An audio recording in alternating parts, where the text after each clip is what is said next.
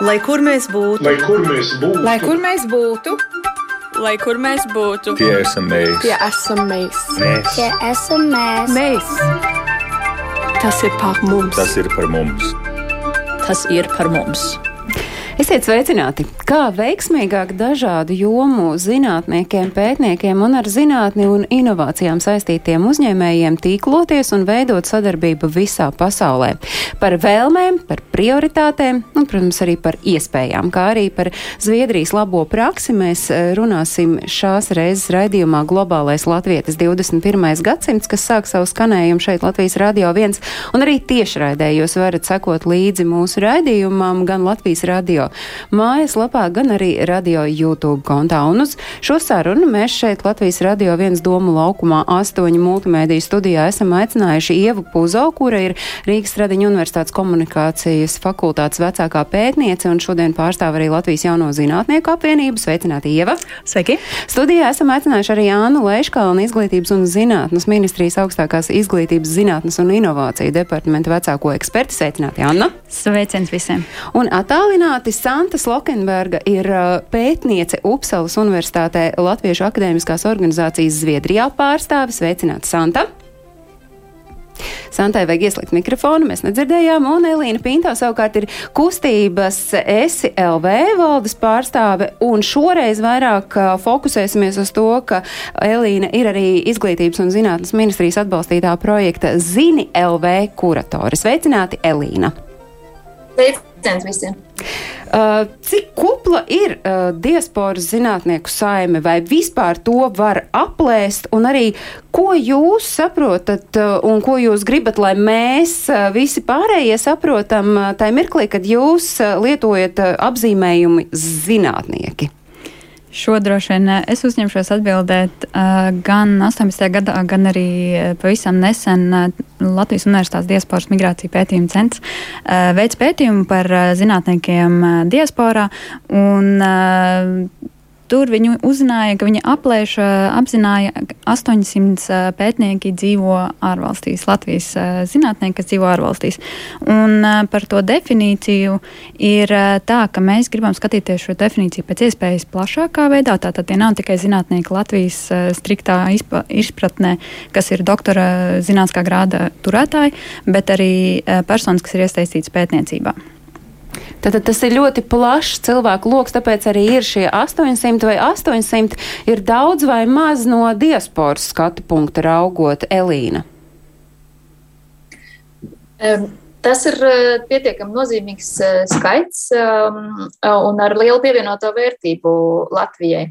Protams, ja skatās uz diasporas kopējā um, skaita, uh, tad uh, varētu šķist, ka 800 nav daudz, bet ļoti svarīgi ir vērtēt to pienesumu, kādu katrs no šiem zinātniekiem pētniecībā un inovācijās iesaistītajiem cilvēkiem var dot atpakaļ Latvijas kolēģiem caur, caur sadarbības tīkliem. Un tas ir arī nu, kustības SLV viens no uzdevumiem piesaistīt šo mūsu smadzeņu zināšanu, pieredzes, kontaktu potenciālu gan pašu latviešu uh, profesionāļu un zinātnieku karjeras attīstībai, gan arī Latvijas uh, zinātnes un inovācijas sistēmu plašākai atvēršanai uz ārzemēm un sadarbības tīklu veidošanai.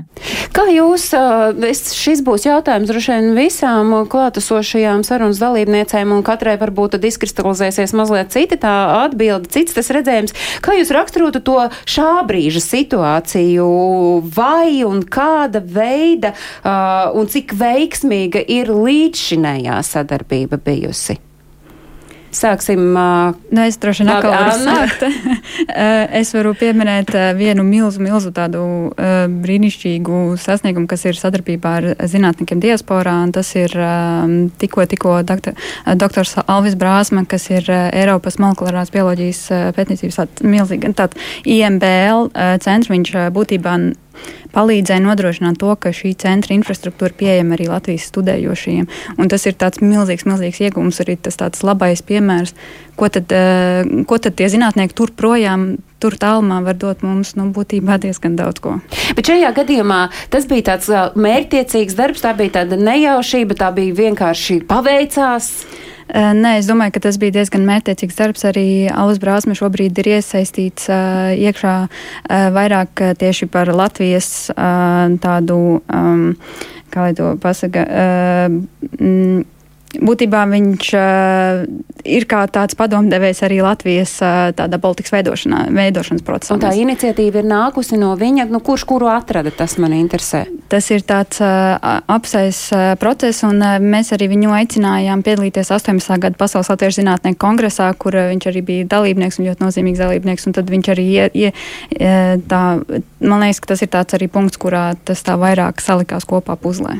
Ieva, no jūsu skatu punktu raugot, tad šī uh, sadarbība, cik, cik veiksmīga ir līdz šim bijusi un kāda ir tā šā brīža situācija. Te mēs, piemēram, uh, redzam fonā ir no pētījuma, kas saucas uh, sadarbība izcelībai Latvijas un diasporas pētnieku skatījums uz savstarpējo sadarbību.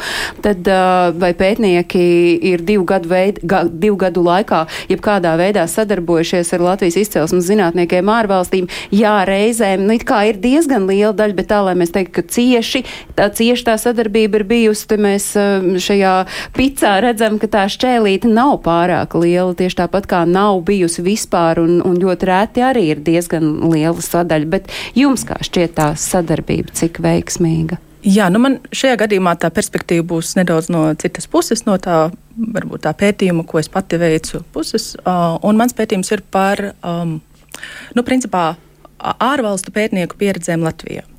Un, pētījums ir sociāla antropoloģiskā leņķī, un nu, runājot daudz ar šiem ārvalstu pētniekiem, kas dzīvo Latvijā, tāpat arī ar Latvijas pētniekiem, nu, tiešām izkristalizējas nu, kaut kādas tās lietas uh, par to, kas tad ir tā vēlamā situācija arī internacionalizācijas jomā, starptautiskās sadarbības jomā un kādas ir tās realitātes.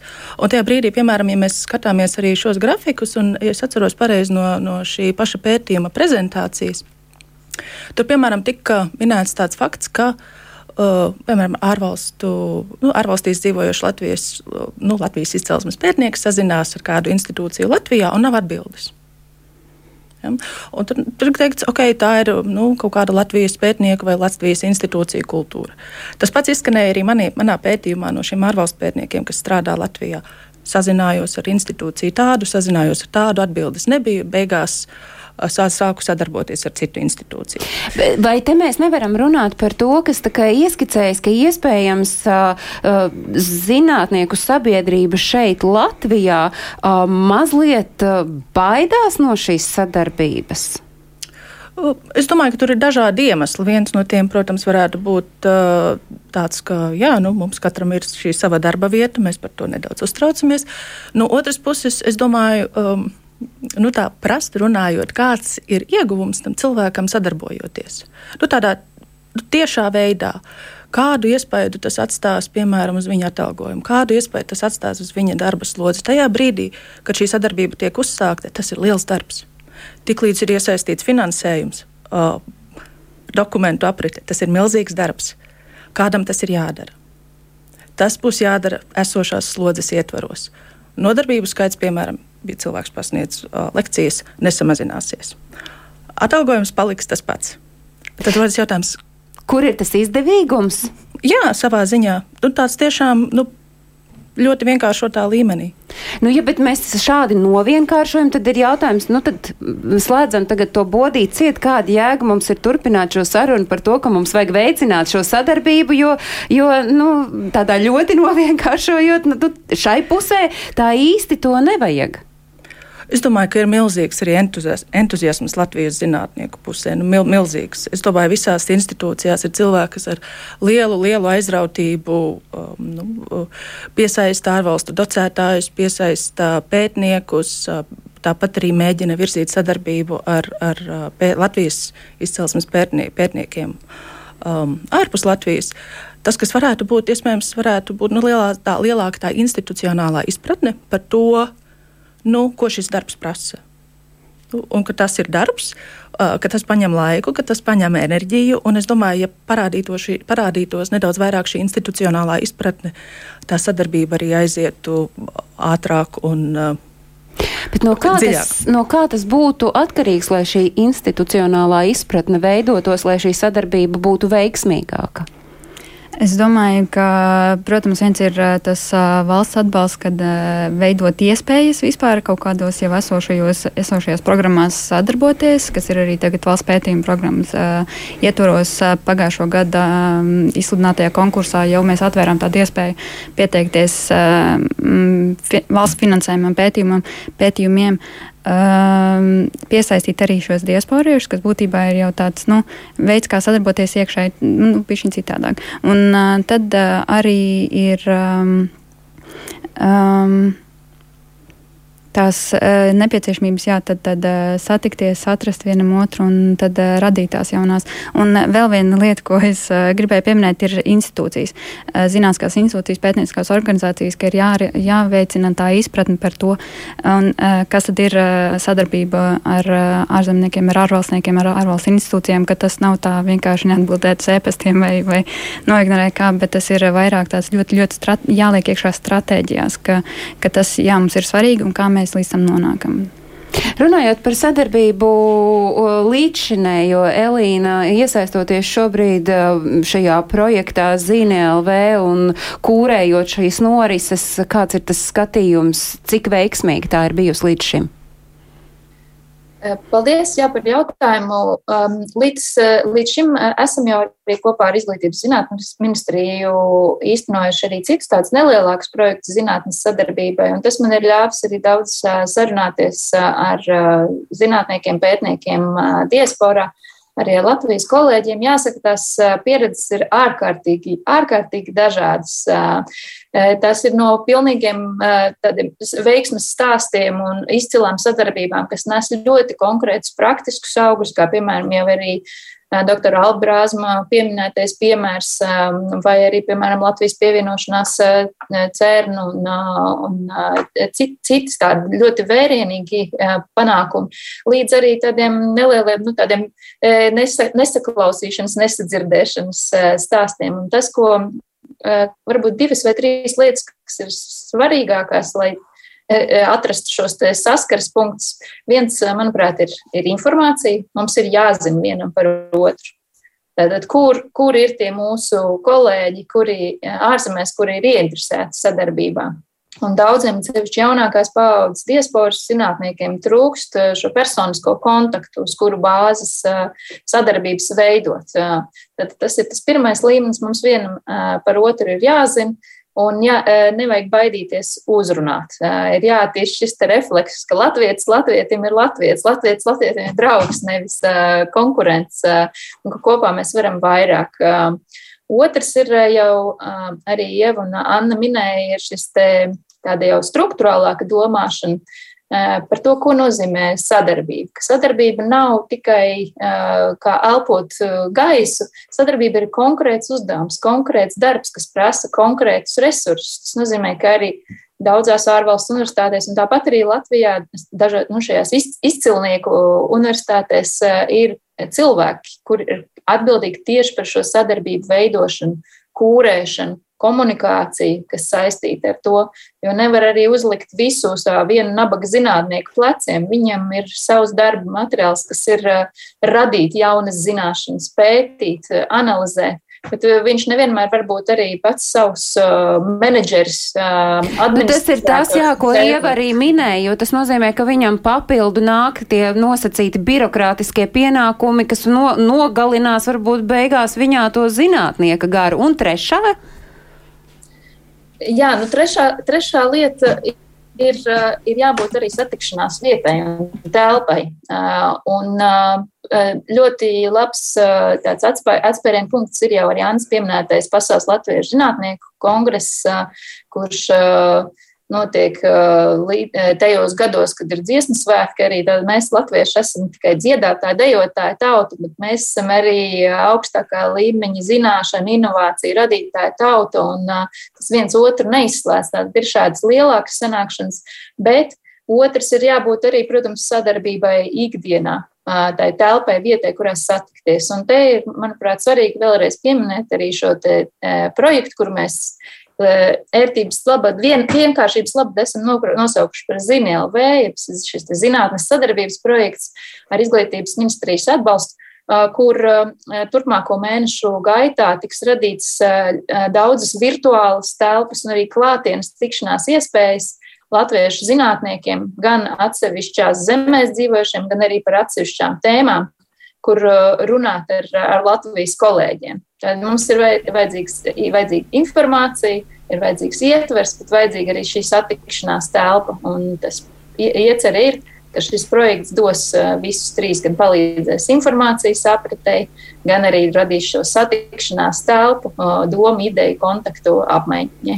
Nu, tāda pirmā satikšanās notiks jau ša, šās nedēļas nogalē. Tā ir plānota sestdien, tā ir Zviedrija un uh, Zviedrijas pārstāve, Latvijas pārstāve Zviedrijā ir arī šās reizes sarunā. Santas Lokenberg ir pētniece Upsals Universitātē un Latviešu akadēmiskās organizācijas Zviedrijā pārstāve. Mani vispirms interesē, kas ir šī Latviešu akadēmiskā organizācija organizācija Zviedrijā, ar ko tā nodarbojas, un kāds tad ir jūsu redzējums šai līdzšinējai sadarbībai, cik tā veiksmīga vai nepārāk bijusi? Paldies, Lās, par jautājumu. Um, Latviešu akadēmiskā organizācija Zviedrijā ir tā organizācija, kas vieno šobrīd, var teikt, cilvēkus ar akadēmisku ievirzi Zviedrijā. Ja viņi sākās apvienojot tīri Latvijas universitātes mācību spēkus, kuri devās bēgļu gaitās, tad šobrīd uh, durvis ir atvērtas jau ikvienam, kurš ir ieguvis augstāko izglītību, eh, jo īpaši eh, tiem, kuri ir doktorējuši, jo īpaši tiem, kuri strādā zinātnē. Un tas mūsu locekļu skaits ir ap 90, un no tiem 50 ir ieguvuši doktora grādu. Kā jau paskatās no tiem, ko jūs minējāt, sākumā 800 diasporā, Zviedrija var tā teikt, paņem vairāk kā 10%. Tāds smags pīrāga gabals pieder Zviedrijas diasporas daļai. Ko mēs konkrēti darām? Šobrīd uh, liels darbs noris atbalstot jaunos talantus. Latviešu akadēmiskā organizācija Zviedrijā ir uh, bijusi mantiniece vairākiem testamentiem un spēj šobrīd dalīt stipendijas, uh, dalīt finanšu balvas, nodrošināt finanšu līdzekļu pieejamību gan tiem, kas Latvijā ir, vai arī ar latviešu izcelsmes ārzemēs rakstījuši bakalaura, maģistra darbus, vai turpmāk nepieciešami līdzekļi eh, turpmākai pētniecībai. Šādas iespējas reizi gadā eh, Latviešu eh, akadēmiskā organizācija Zviedrijā atver un šos pieteikumus izskata. Un tad tas otrais lielais pasākums ir ikgadējais akadēmiskais vakars, kur mēs, kurš ir rīkots par godu Latvijas Universitātes ga, dibināšanas gada dienai. Un tur notiek gan eh, zinātnieku priekšlasījumi, gan eh, sarunas, diskusijas, gan arī pēc tam saviesīgs vakariņas un, protams, neiztiek bez latviešu galda kopdziesmām. Nu, kā jums Zviedrijas akadēmiskajai organizācijai, Latviešu akadēmiskajai organizācijai Zviedrijā, tas tā sajūta par to iespējamību sadarboties līdz šim un kas varbūt tad būtu tas, ko jūs redzat, kas ir veicams, uzlabojams un, un kur noteikti vajag pie kā piedomāt? Paldies, Lās. Mums šobrīd nav konkrēta statistika par to, cik sekmīga sadarbība bijusi iepriekš. Mums ir konkrēti pozitīvi pieredzes stāsti. Tā, piemēram, ir bijusi sadarbība starp Upsalas Universitāti un Rīgas Stradiņu Universitāti. Šajā pašā, iepriekšējā gada rudenī, atvainojos, tika iesniegts projekts starp Upsalas Universitāti un Latvijas Universitāti, konkrēti biomedicīnas pētījumu centru. Tas, ko Elīna minēja, konkrētība, ja ir mērķis, var būt ļoti sekmīga sadarbība. Tāpat tās ir bijušas sadarbības, kur ir iesaistīti latviešu zinātnieki lielākos konsorcijos, un uh, arī universitātes no Zviedrijas uh, nāk kā konsorcija dalībnieki. Tā kā tur, kur ir tas kopmērķis, tur mums ir ļoti pozitīvi stāsti mūsu rīcībā. Tas varbūt Ja? Bet runājot par šiem pozitīvajiem stāstiem, nu, tā iniciatīva no kuras puses nāk, jo vārdam sadarbība ir jāsaprot, ka viens, viens ir tas, kas aizsāk, Kur jūs redzat, kurš ir tas uh, aizsācējs? Tas var būt ļoti dažādi. Tas var būt viens pētnieks, un tas, ko mēs parasti zinātnē redzam, ka, ja iniciatīva nāk no pētnieka, ir pētniecības ideja, tur ir potenciāls ļoti spēcīgai sadarbībai. Otrs variants ir, ka tā ir institucionāla rakstura sadarbība vai pat valsts līmeņa interese sadarboties, kā piemēram starp Latviju un Zviedriju ir interese attīstīt sadarbību biobanku jomā. Un šajā sakarā pagājušajā gada vasarā viesojās valsts prezidents ar um, savu komandu un noslēdz sadarbības memorandu starp Latvijas universitāti un Zviedrijas, un, uh, Zviedrijas Upsals universitāti ar mērķi tieši šo konkrēto nozaru attīstīt. Tur sadarbība nāk jau valsts līmenī un universitāšu līmenī. Tas ir ļoti atkarīgs no varbūt arī konkrēti projekti, konkrēti uzsaukumi, kur mēs redzam, ka ir Latvijā vērtīga ekspertīze eh, noteiktā ziņā ļoti izdevīgi geogrāfiski, geogrāfisks no, novietojums. Mēs piedarām, protams, pie Ziemeļa Eiropas Latvijas, bet vienlaikus arī atsevišķos jautājumos Latvija joprojām tiek klasificēta kā Austrum Eiropa, bet ar ļoti kvalitīvu zinātni, un šī reprezentācija ir ļoti vērtīga. Un, protams, arī tādos aspektos tiek lūkots pēc zinātniekiem Latvijā. Un visbeidzot, neizpildīt neizpaliek jau arī tas pēdējais glābējs zvans kolēģim Latvijā, ja kāds cits ārvalstu partneris ir pievīlis. Tad gan tiek zvanīts, izstāstīts un aicināts, vai tu vari man palīdzēt. Un arī šeit mēs zinām ļoti daudz veiksmīgus stāstus, kur parasti tautietis tautietim ne, neatsaka. Un tas ir tas, ko jūs iepriekš minējāt, ka Latvijas latvietim ir draugs un Latvijas latvietim arī zinātnē palīdz un sadarbojas. Ieva piekrītoši māja, tad, kad Sants stāstīja šo konkrēto piemēru, esat arī saņēmusi zvanu glāb, glābēju zvanu vai zināt gadījumus par glābēju zvaniem no diasporas? Nu, man šķiet, ka tas tā zinātnē kopumā, ja mēs domājam par sadarbību, ka, ka bieži attopamies šādā situācijā, ka tiešām kāds Bet... uzmet un tad. Bet runājot par sadarbību, vai šajā zinātnes lauciņā šo sadarbību saprotam ar to, ka mēs fokusējamies uz to iespēju sadarboties tieši ar diasporas pārstāvjiem vai vispār startautiska sadarbība šeit? Nu, šis ir tāds jautājums, tāda joma, ko mēs cenšamies skatīties diezgan tādā puzles veidā. Tā, tā, tā, protams, nav tikai sadarbība ar diasporu. Mēs negribam pateikt, jau tikai latviešu. Tikai tad, ja tu būsi latviešu zinātnieks, tikai tad jā. mēs ar tevi strādāsim. Jā, nē, vai ne? Nē, noteikti nē. Tas, ko dati rāda, ir, ka Latvijas zinātnes sistēma ir diezgan noslēgta salīdzinoši. Bet tas, ko arī dati rāda, ir tas, ka tā sadarbība ar ārvalstīm aug. Ja mēs paskatāmies kaut kādas 90. gada beigas, un, protams, tagad izskatās tā datos skatos, ka ir noticis kaut kāds milzīgs sprādziens. Un tas, protams, ir liels, liels ieguvums Latvijai, Latvijā, eh, Latvijas tautsēmniecībai un Latvijas zinātnē. Bet, ja mēs skatāmies tā pati izglītības un zinātnes ministrija 2021. gadā ir rosinājusi veidot šo diasporas zinātnieku datu bāzi. Tas ir arī tas, ko Elīna uzsver, ka tai informācijai ir jābūt. Cik tālu šī datu bāzes veidošana norit? Kā jūs redzat, kā tā, kā tā darbosies? Un, un tad arī, jā, kā tad, kāda loma tad tam būs tajā sadarbības veicināšanā un tīklošanās? Jā, tā datubāze ir ļoti, ļoti svarīga un uh, man tāds ļoti tūs un uh, mīļš jautājums, uh, jo tā datubāze ir no tā pētījuma, ko es iepriekš minēju, uh, diasporas migrācija pēt, pētniecības centra veiktā. Un uh, tas viens no rezultātiem bija šī datubāze, un tā datubāze jau tehniski pastāv, uh, mums ir šie dati, un mēs šos datus jau esam arī izmantojuši. Un, uh, ir šobrīd vienkārši tā, tā procedūra, ka mēs cenšamies padarīt šo datu bāzi publiski pieejamu.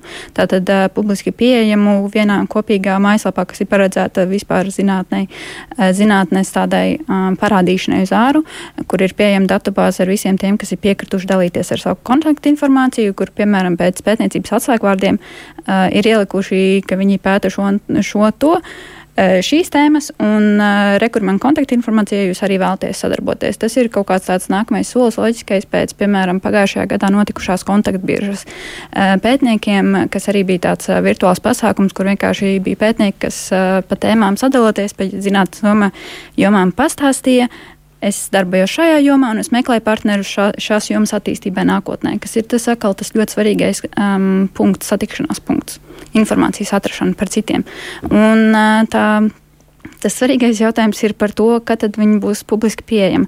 Ir bijušas visādas aizķeršanās ar, ar, um, ar iepirkumiem un tādām lietām, un uh, šobrīd mēs tā prognozējam, ka tas būs publiski pieejams vasaras beigās. Vai tā ir laba ziņa? Elīna. Jā, protams. Jā, protams, jo, nu, kā jūs minējāt, tad eh, tā informācijas aprite, kontakti, tas ir tas darba rīks, eh, kas ļauj sadarbības eh, vispār aizsākt un, un, un veidot. It īpaši tur, kur šie personiskie sakari vēl vai nu vairs vai, vai vēl nepastāv. Mēs tiešām pamanām to, ka ļoti daudz kas ir atkarīgs līdz šim sadarbībā bijis no paša cilvēka, no esošajiem tīkliem. Bet, eh, ja, ja, ja no Latvijas puses ir šī interese un gatavība arī pāraukt nākamajā līmenī, kur eh, nu, nevis tās mazās taciņas, eh, lai tikai mūs savītu, bet arī veidot tādus plašākus, lielākus sadarbības tiltus, tad, tad ir svarīgi dot to ietvaru, kurā cilvēks arī it kā kam nav bijuši līdz šim uh, ciešas saiknes ar Latviju, kur viņš ar savu entuziasmu, ar savu projektu ideju vai ar savu partnerības uh, piedāvājumu var uh, atrast sev šos partnerus. Tāpēc arī, manuprāt, būtu arī svarīgi, ka šī databāze nepaliek tikai teiksim, izglītības ministrijas pāraudzībā, bet tā ir tiešām lietojama arī gan pašiem zinātniekiem, pētniekiem, gan arī organizācijām, kas apvieno, kas stimulē šo, šo sadarbību ar arī nevalstiskajiem partneriem, kā, tāpat kā Latviešu akadēmiskā organizācija Zviedrijā vai Alsruku, Latvijas studentu pētnieku asociācija Lielbritānijā vai SLV, kas arī ietver šo šajā pragmatiskās sadarbības lokā mūsu cilvēkus un profesionāļus ka zināšanas un sadarbības instrumenti šajā laikmetā ir atvērti, tie ir publiski pieejami, jo tā mēs varam iespējot plašāku cilvēku loku iesaistīties. Bet uh, skaidrs ir viens, ka gan, gan šā brīža sarunās uh, šeit, gan arī vispār diasporas politikas kūrētāji nu, ziņo to, ka zinātnieki ir īpaša grupa, zinātniekiem ir jāpievērš uzmanība, par, par viņiem ir jādomā, par šo sadarbību ir jādomā. Bet kā paši zinātnieki šeit Latvijā? Skatos uz ievu, tāpēc, ka nu, jūs pārstāvat jauno zinātnieku saimi, vai zinātnieki to jūt, jo tas, kas izskan ik pa brīdim, ka noslēgta sabiedrība, nu cik ļoti ir atvērta. Vai jūt to, ka diasporas politikā zinātniekiem ir īpaša loma atvēlēta, vai tajā ikdienas darba rutīnā nemaz to nepamana? Iespējams, ka to tāpat uh, varētu arī nepamanīt, ja vien tam nepievērš uh, īpašu uzmanību. Jā. Bet savukārt, kā ārvalstu jaunie zinātnieki iedzīvina un tajās savās darba gaitās pieredz to mobilitāti un to iespēju sadarboties, jo jūs esat pētījusi Latvijas, Japānas un Melnkalnas pieredzi. Jā, nu, galvenokārt koncentrējoties uz Latviju pašreizējos pandēmijas apstākļu dēļ, fokusējoties tiem pētniekiem, kas dzīvo un strādā šeit. Un, nu, jā, nu, tur parādās tie momenti, ko es arī sākumā minēju, ka nu, ir Uh, ir jāuzteic tas, ka, piemēram, man liekas, kā Anna arī sākumā minēja, ka jā, institūcijām ir jābūt šiem strateģiskajiem mērķiem, ir jābūt kaut kādam atbalsta personālam, kas zinātniekam varētu palīdzēt. Un man šķiet, ka šobrīd teiksim, visās universitātēs jau ir, ir uh, projektu vadības departamenti, kas palīdz, ir komunikācijas departamenti, kas daudzās lietās palīdz. Tajā pašā laikā joprojām ir uh, nu, kaut kādas tādas aizķeršanās. Eh, kas varētu būt birokrātiskas dabas, kas varētu būt saistītas ar valodu likumu, kas varētu būt saistītas ar eh, nu, uzturēšanās atļauju iegūšanu un, un pagarināšanu un tādām lietām, kas to dzīvi šeit padara eh, sarežģītu. Īpaši, ja šie pētnieki salīdzina ar savu pieredzi strādājot un dzīvojot citās vietās. Jo šobrīd mēs tiešām dzīvojam tādā laikmetā, zinātnieki dzīvo tādā laikmetā, kad šī mobilitāte pāri, pāri robežām tiek vērta kā ļoti pašsaprotama, kā kaut kas tāds, kas ir daļa no zinātnieka, no pētnieka, no tās. Uh, uh karjeras uh, pieredzes, un, un uh, daudzi pētnieki tiešām ir ieguvuši doktora grādu vienā valstī, strādājuši kādā institūcijā, vēl citā, tad vēl citā, un tur mēs nerunājam par Eiropas Savienību, mēs runājam par valstīm tiešām visā pasaulē. Un tajā brīdī, kad viņi šajā karjeras ceļā ir iespējams tiešām satikuši kādā konferencē pētnieki no Latvijas, izveidojuši sapratuši, ka varētu būt forša sadarbība, piesakās kādam pieejamam grantam.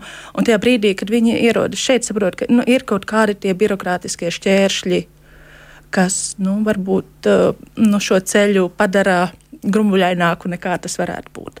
Tajā pašā laikā uh, ir uh, jebkurā valstī, kurā viņi arī strādātu dzīvotu, būtu savi izaicinājumi. Bet nu, darētu droši vien pievērst uzmanību tiem izaicinājumiem, kas ir tādi specifiski Latvijai. Kurš uh, tos var norādīt, kurš tos var palīdzēt risināt? Šos ļoti specifiskos klupšanas akmeņus. Es domāju, ka šeit ir arī līdzīgi pētnieki sadarbībā ar universitātēm, ar, ar, ar nu, izglītības zinātnes ministriju un pak, pakļautībā esošajām institūcijām vienkārši apzināt šos, šos klupšanas akmeņus un kaut kādā veidā mēģināt tos risināt. Kaut vai to, ka dokumentu apritē ir jābūt tikai valsts valodā. Tas ir traki. Tas ir traki tam cilvēkam, kam tas ir jādara. Es paskatīšos uz izglītības un zinātnes ministrijas pārstāvi, jo jūs, Anna, esat vienīgais cilvēks, kurš šo, šo birokrātijas sadaļu arī zināmā mērā pārstāvat. Jā, es gan neesmu kā pētnieks gājis cauri šādiem šiem visiem, bet esmu darbojusies arī ar projektiem. Un, jā, protams, latviešu valodas tas ir tāds sāpīgais jautājums par uh, it īpaši tajā brīdī, ka mēs uh, atbalstot zinātni gribam, lai, lai ir vēl atvērtāk, un tad ir atkal sastopamies par to valodas likumu, ka par latviešu valodu, un jā, mēs zinām, un šobrīd ir jāsaprot, ka, no kuras puses tam pieiet, jo ir jāsaprot, ka Latvijā lat, latvi, latviešu valodas jautājums ir ļoti, ļoti sāpīga tēma, un tas nav tik vienkārši risināms. Un, lai gan ir jā, kaut kādi zināmi um, projekti, programmas, kurās ļauj arī angļu valodā um, Zē, man šķiet, ka kaut kādas atsevišķas lietas ir angļu valodā, iesniedzams nevis latviešu valodā, jo tas ir noteikts vienkārši hierarhiski augstākos dokumentos, bet uh, ar uh, valsts programmām ir tā kā ir. Jā, un tas nebija kā pārmetums. Nē, ministrija, bet vienkārši tas ir tāds, nu, tāds, ko mēs pieņemam, jā, ir valsts valodas likums. Mēs varam kā pašsaprotam dokumenti. Nu, protams, ir jābūt latviešu valodā. Un tajā brīdī, kad tas attiec uz to nabaga cilvēki, kas ir tikko ieradies, un viņiem ir jāraksta atskaita latviešu valodā. Viņš izmanto Google Translate. Tad pieslēdzas viņa kolēģi. Nu, Latvijas kolēģi, kas tur mēģina viņam palīdzēt, tāpēc ka tas Google Translate nu, īsti vēl neizdara to, kas jāizdara. Un tiem ir jābūt kolēģiem, tāpēc ka, piemēram, projektu departaments to jomu nepārzina, vai komunikācijas departaments to jomu nepazina. Jāzina, jābūt iesaistītam kādam, nu, kas to saprot, kas tur notiks. Un tajā brīdī uh, nu, tad var rasties tas jautājums, kāpēc? Kāpēc es to daru? No visām iesaistītiem pusēm. Lai būtu mazāk šādu, kāpēc, tāpēc arī mēs esam šodien šeit sanākuši, tāpēc arī ir uh, kustībai SLV blakus vai paralēla uh, da darbošanās, kas saucas ZinLV, un Elīna Pinto ir uh, šī ZinLV kuratora, un Elīna arī ir pacēlus roku, lai piebilst tam, ko mēs uh, nulekā šeit runājām. Jā, paldies. Es vēlējos arī iezīmēt vēl vienu tādu uh, virzienu, kurā, es domāju, ir vēl uh, vieta uzlabojumiem, uh, lai veidot šo sadarbību.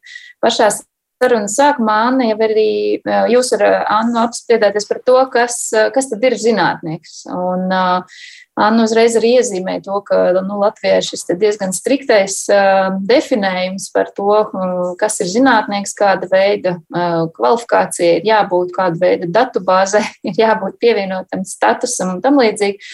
Bet um, jāsaprot, ka sadarbības veidošanai ar, ar ārvalstu sistēmām ir svarīgi izprast arī tās dažādās akadēmiskās kultūras un akadēmiskās sistēmas, kādas ir uh, ārpus Latvijas. Un viens no jautājumiem, kas šobrīd arī saimā ir izskatīšanā, ir jautājums par to, cik tālu um, ārvalstu kvalifikāciju ieguvuši uh, zinātnieki, pētnieki, ir, uh, um, nu, cik tālu viņiem ir ļauts piedalīties uh, konkursos, kandidēt uz darbu Latvijas akadēmiskajā sistēmā un arī Latvijas universitāšu pārvaldības pozīcijās. Un, um, Šis ir jautājums par to, kāda ir zinātņu, zinātniskā doktorantūras grāda nozīme. Un, no atvērts jautājums tāpēc, ka ir arī ār, ir ārvalsts, kur, kura zinātniskajās sistēmās un noteiktās īpaši nozarēs, kas ir orientēts vairāk uz praktisko darbu, šis zinātniskais grāds nav vienīgais priekšnosacījums eh, tam, lai cilvēks varētu kandidēt uz amatiem. Un, eh, Tad šī ir viena no diskusijām, kur ir arī jāatrod kopsaucējs un jādod skaidrs signāls mūsu arī kolēģiem, jau pieredzējušiem, kvalificētiem kolēģiem ārzemēs par to, cik tālu uh, viņiem ir tiesības arī piedalīties šajos konkursos pozīcijām Latvijā. Jo um, ne visi Latvijas zinātnieki atgriezīsies, um, un tas arī nav nepieciešams, jo viņi ir mūsu zināt, zināšanu tīklojuma punkti visā pasaulē. Bet uh, ir ļoti daudz labu piemēru arī, kur uh, gados jaunāki zinātnieki atgriežas Latvijā un pienes um, līdz ar, ar, ar savu atgriešanos arī šo pieredzi, tīklojumus un uh, jaunas uh, idejas. Uh, Būtu svarīgi arī veicināt to, lai tas notiek arī jau atbildīgās pozīcijās, ne tikai jaunākajos, tad, uh, no karjeras agrākajos posmos. Tad uh, tomēr uh, nu, ir jā, jārēķinās ar to, ka šis zinātniskais nomadisms uh, pastāvēs un ka nav mums jābūt uh, par visām varītēm uh, gataviem kaut ko darīt, lai tik tie zinātnieki atgrieztos. Galvenais uzsvers un galvenais mērķis ir šī maksimāli veiksmīgā sadarbība.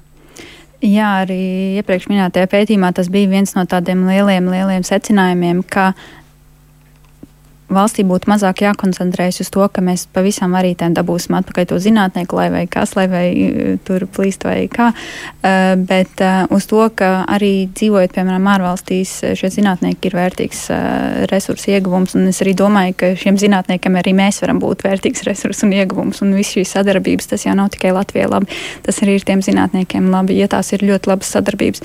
Un arī tā pieredze ir tāda, ka tās labās sadarbības ir tās, kuras veido jaunas labas sadarbības sadarbības būtībā, lai sadarbotos, tā iepriekšējā pieredze ir ļoti, ļoti svarīga.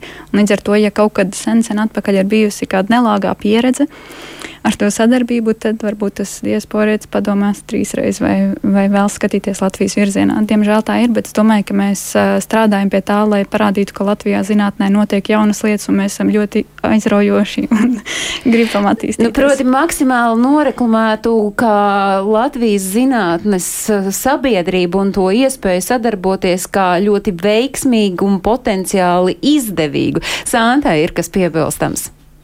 Jā, paldies, labprāt.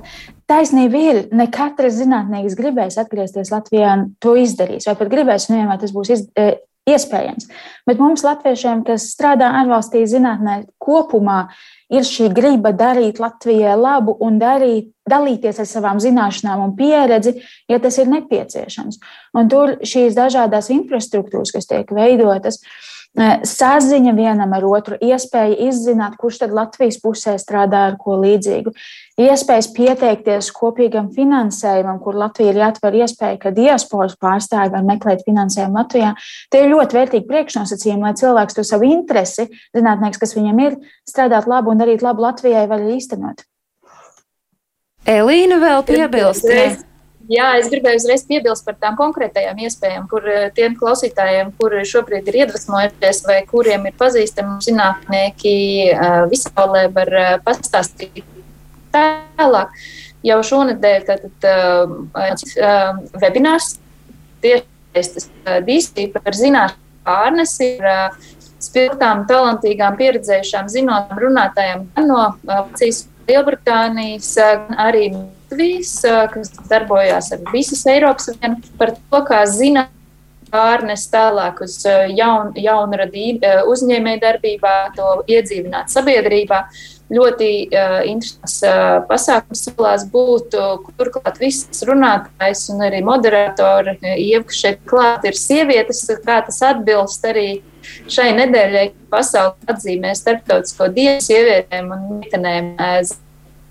Piesakojiet SLV lapai vai arī mājaslapai slv.org, kur varat uzzināt sīkāk par šiem pasākumiem. Un otrs šonadēļ tikties būs 12. februārī klātienē, un tā saistē klātienē tikšanās notiks um, Latvijas vēstniecībā Stokholmā, un īpaši aicināti ir um, Latvijas, ar Latviju saistīts akadēmisko aprindu cilvēki, kuri šobrīd studē pēt strādā um, tieši Zviedrijā. Un šī būs tikšanās, kurā tiks apspriest tā, kādas ir vajadzības ļoti konkrēti tālākie pasākumi sadarbībiem pārcelt arī darbojas un piesaistītu jaunus dalībniekus Latviešu akadēmiskajā apspriestā. Es ļoti ceru, ka to, ko uh, Elīna teica, nu tā pa zilbēm varēja saprast, jo drusku sakari atkal kārtējo reizi mūs pievīla, bet, bet tā doma ir skaidra, ka tas ritenis ir diezgan veiksmīgs šobrīd iekustināts, tad ir vairāki jau reāli pasākumi tūdaļ, kas notiek un ar, ar skatu nākotnē tiesīvi. Ja? Jā, tā ir, uh, un tiešām jāsaka milzīgs paldies Elīnai, kas to ir iekustinājusi un to bīdījusi, un, un, un tiešām ir viss visas šīs pasākumu sērijas kuratora. Un jā, mēs sākam ar vairākiem pasākumiem februārī, un tad skatāmies, kādas tēmas tālāk risināt, par ko diskutēt un kā nu, tiešām tos secinājumus varbūt, kas, kas radīsies šo sarunu rezultātā arī nu, nodot tālāk Pasaules Latviešu kongresa organizētājiem. Un uh, kongress uh, zinātniekiem plānots 2023. gadā, kas uh, ir salāgots ar, ar dziesmu un deju svētkiem, kas notiek šeit Latvijā. Galvenais, lai notiek dziesmu un deju svētki, vai ne? Sitam pie koka un ceram, Tieši ka tas tā. notiks. Tieši tā, jā, bet uh, es domāju, ka uh, 23. gadā Pasaules Latviešu zinātnieku kongress notiks uh, gan uh, klātienē, gan hibrīdu formātā, un mēs šobrīd jau aktīvi sākam strādāt pie tā, lai šis kongress būtu cik nu vien brīnišķīgi tas var būt un nest jaunas zināšanas un rad, radītu to platformu, kur tikties latviešu zinātniekiem no visas pasaules. Un eh, mēs jau arī zinām datumu, tas būs 28. un 29. jūnijas. Tātad eh, starp eh, Līgo svētkiem un starp ziem, dziesmu svētkiem. Lai izdodas zinātniekiem risināt visus tos iespējamos sadarbību veidus un formas, un lai tie ir auglīgi un nes to Latvijas stāstu pasaulē, gan uz vienu, gan uz otru pusi. Es saku paldies Ievai Puzo, kura ir Latvijas jauno zinātnieku apvienības pārstāve. Saku paldies Annai Leiškalnē, kur savukārt pārstāv izglītības un zinātnes ministriju. Paldies Santai Slokenbergai, pētniecei Upsalas universitātē un Latviešu akadēmiskās organizācijas Zviedrijā pārstāvēju. Un paldies arī Elīnai Pinto par šās reizes sarunu kustības SLV valdes pārstāvēju un projekta Zini LV kuratorei. Visi tie notikumi, kas ir svarīgi un aktuāli latviešiem, kuri dzīvo ārpus Latvijas, dzīvo visā pasaulē. Notikumu kalendārs ir tāda sadaļa portālā latviešu.com. Tur visu šo informāciju jūs varat iegūt, tostarp arī par tiem notikumiem, kas ir gaidāmi zinātnes jomā. Savukārt šis raidījums atkārtojumā skanēs svētdien uzreiz pēc ziņām trijos, bet jebkurā diennakts laikā jūs varat meklēt mūsu raidījumu, kas sauc Globālais Latvijas 21. gadsimts, gan portālā latviešu.com, gan Latvijas radio viens mājaslapā, gan arī radio YouTube kontā. Lai jauka šī diena un tiekamies citu dienu. Atā!